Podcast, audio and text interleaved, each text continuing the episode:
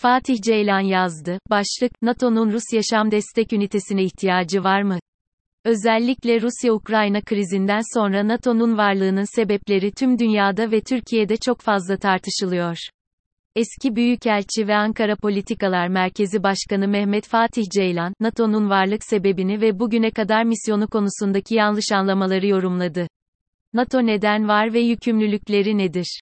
İlk kuruluş yıllarında SB NATO için ana tehdit kaynağı değil, dikkatle izlenmesi gerekli potansiyel bir sınamaydı.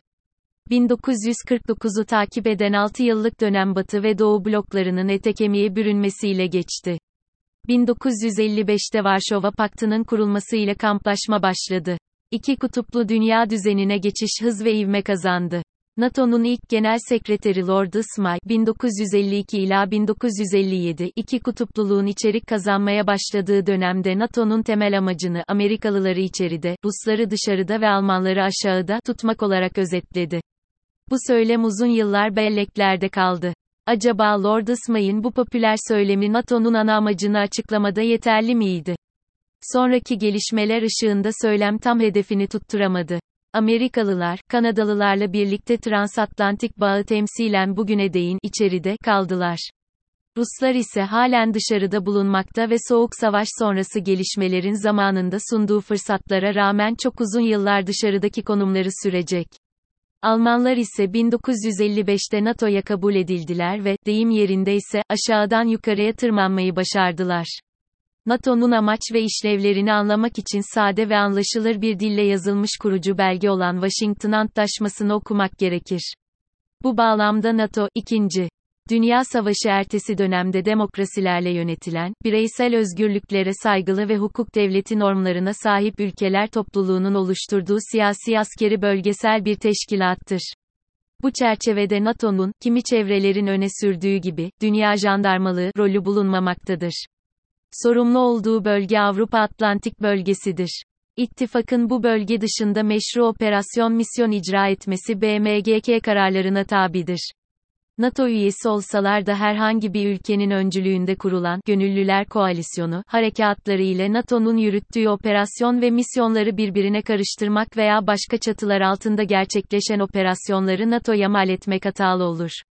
Kurucu antlaşmaya göre herhangi bir üye ülke kendi güvenliğini tehdit altında görürse, danışmalar yapmak üzere NATO konseyini toplanmaya davet edebilir. Antlaşmanın dördüncü maddesi. Bu yöndeki bir davetin geri çevrilmesi mümkün değildir. Dolayısıyla, burada otomatik bir süreç vardır. NATO'nun bel kemiğini ise, birimiz hepimiz, hepimiz birimiz içindir, şeklinde özetlenebilecek ünlü beşinci madde oluşturur. Bu maddeye göre herhangi bir NATO üyesi, bir devletin silahlı saldırısına uğrarsa diğer üyeler kolektif savunma taahhütleri uyarınca NATO konseyinin alacağı karara bağlı olarak söz konusu saldırıya karşı harekete geçmekle mükelleftir. Bu maddenin işletilmesinde, dördüncü maddede olduğu gibi, otomatik bir süreç öngörülmemiştir. Kolektif savunma yükümlülüğünün karşılanması NATO konseyinin onayına tabidir. Kurucu antlaşmanın diğer önemli maddeleri arasında üye ülkelerin yönetim ve toplumlarının dayanıklılığını arttırmak taahhüttü bulunmaktadır. Sözü edilen yönetimin şekli elbette batı tipi demokrasiye, demokratik kurumlara, bireysel özgürlüklere ve hukuk devletine dayalı değerler temelinde tanımlanmıştır. NATO'nun kapısı, Avrupa Atlantik güvenliğine katkı sağlamaya ehil ve istekli olan, bunun yanında ittifak yükümlülüklerini karşılama kapasitesi ve yeteneği bulunan ülkelere açıktır. NATO genişlemesinin zemini son yıllara ait olmayıp, kurulduğu tarihten beri mevcuttur. Uluslararası hukukun bir parçası olan Washington Antlaşması geçerliğini koruduğu sürece NATO'nun varlık gerekçesi için Rus tehdidine dayalı yaşam destek ünitesine gereksinimi bulunmamaktadır. NATO'nun varoluşsal krizleri demokratik yönetim ve değerlere dayalı ve oydaşma, konsensus usulüne göre faaliyet gösteren NATO'nun kuruluş yıllarının neredeyse hemen ertesinde varoluşsal krizlerle karşılaştığı bilinmektedir. Bu bağlamda, Süveyş krizi sırasında SSCB'nin Fransa ve İngiltere'yi nükleer silah kullanımı ile tehdit etmesi ve ABD'nin bu iki müttefik ülkenin güvenliği için açık bir garanti vermekten kaçınması üzerine NATO bünyesinde bir kriz patlak verdiği tarihi bir gerçektir. Nokta. Benzer bir kriz 1960'lı yılların başında meydana gelen ve Berlin Duvarı'nın inşasıyla sonuçlanan Berlin krizinde de baş göstermiştir. Bu krizler karşısında NATO üyeleri ittifakın siyasi rolünü öne çıkaran raporlara dayalı olarak NATO bünyesinde daha fazla güvenlik danışmaları yapılması üzerinde mutabık kalmışlar ve bu ilk varoluşsal krizleri atlatma yolunu tercih etmişlerdir. Görüleceği üzere, İngiltere ve Fransa, Türkiye'nin 1960'lı yılların başında Kıbrıs'taki gerilim nedeniyle adaya müdahale etme niyetini sergilemesi vesilesiyle maruz kaldığı Johnson mektubu travmasından 8 yıl önce benzeri bir yüzüstü bırakılma sendromu yaşamışlardır. İkinci ciddi varoluşsal kriz de Gaulle'in, Fransa'nın deniz unsurlarında konuşlanacak nükleer silah geliştirmesine ABD'nin, İngiltere'ye kıyasla, gerekli desteği vermemesi üzerine Fransa'yı 1966'da NATO'nun bütünleşik askeri yapısından çekme kararı alması ertesinde patlak vermiştir. Aynı yıllarda Almanya ve Fransa'nın SSCB ile ilişkilerde yumuşamayı, dolayısıyla diyaloğu hedefleyen politika izlenmesini gündeme getirmeleri de transatlantik ilişkilerde gerilime neden olmuştur. O dönemde bu krizin atlatılmasında Belçika Dışişleri Bakanı'nın öncülüğünde hazırlanan Harmel raporu kilit rol oynamıştır. Bunun ertesinde, kısa dönemli olsa da SSCB ile ilişkilerde detent yumuşama kulvarı hayata geçirilmiştir. Üçüncü varoluşsal kriz ise SSCB'nin Doğu Avrupa'ya 1979'da orta menzilli nükleer füzeler konuşlandırması üzerine NATO'nun da Almanya dahil 5 Avrupalı müttefik ülkeye nükleer başlıklı seyir ve Pershing balistik füzeleri yerleştirmesi öncesinde bu karara karşı Almanya'nın ayak sürümesiyle patlak vermiştir. Fransa'nın devreye girmesiyle kriz aşılmış ve Almanya karara uymaya ikna edilmiştir. Soğuk Savaş'ın bitmesiyle birlikte NATO'nun işlevinin kalmadığını ve tıpkı Varşova Paktı'nın yaptığı gibi kendisini lağvetmesi gerektiğini savunan çevrelerin sayısında artış gözlenmiştir. Buna karşılık hiçbir NATO ülkesi yönetimi Washington Antlaşması'nı sonlandırmak suretiyle ittifakın dağılması yönünde ne bir eğilim sergilemiş ne de öneride bulunmuştur. Genel hatlarıyla 1990 ila 2014 arası dönemde NATO, temel görevi olan kolektif savunmanın yanı sıra kuruluşundan itibaren temelleri atılan ve NATO müktesebatına giren kriz yönetimini ve Soğuk Savaş sonrası dönemin dinamiklerini dikkate alarak Rusya'yı da içerecek yönde işbirliğine dayalı güvenlik görevini kolektif savunma yükümlülüğüne ekleyerek kendini yeni döneme uyarlamıştır.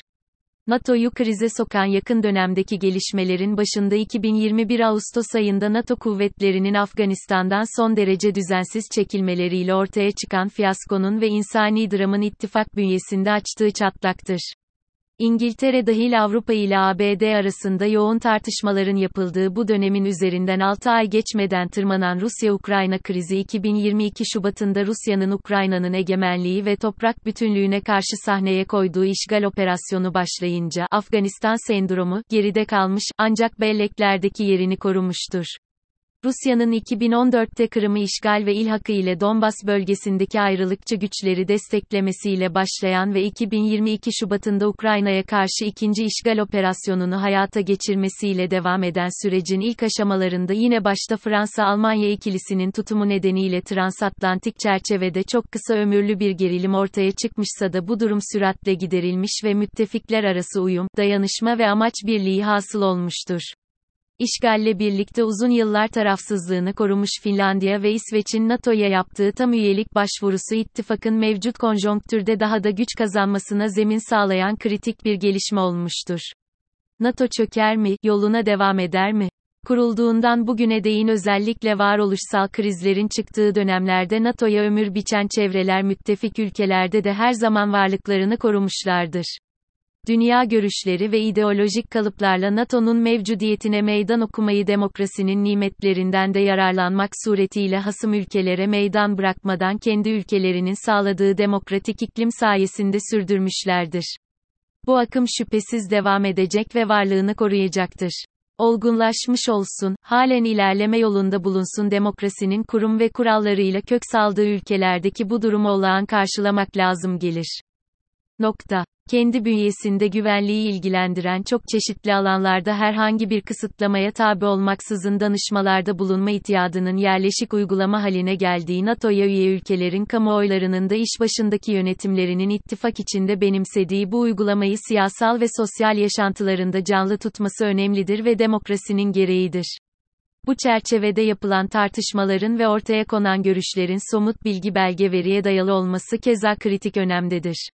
Sağdan soldan duyulan, derinlikten yoksun bir takım köşe yazılarındaki bölük pörçük ve çoğu sağlam bir mesnetten yoksun bilgi kırıntılarına dayalı, iktidar sahiplerinin tutumuna göre tanımlanan tablonun dışına çıkamayan, dolayısıyla bunları sorgulamayan veya görüş olarak NATO karşıtı bir tutum sergileyip, o veya bu iç dış çevrenin duruşlarını yinelemekten geri durmayan fikir sahiplerinin ayar vermeye dönük slogancı yaklaşımlarıyla NATO'nun bu kategorideki çevrelerce kendisi için belirlenen sürede çökmeyeceği olabileceğini öngörmek gerekir.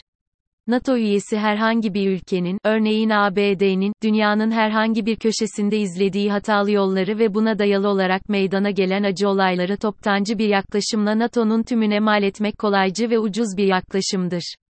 Bu gözlemi yaparken NATO'nun kutsanmaya layık, her türlü hatadan arı bir kurum olduğu tabiatıyla öne sürülemez.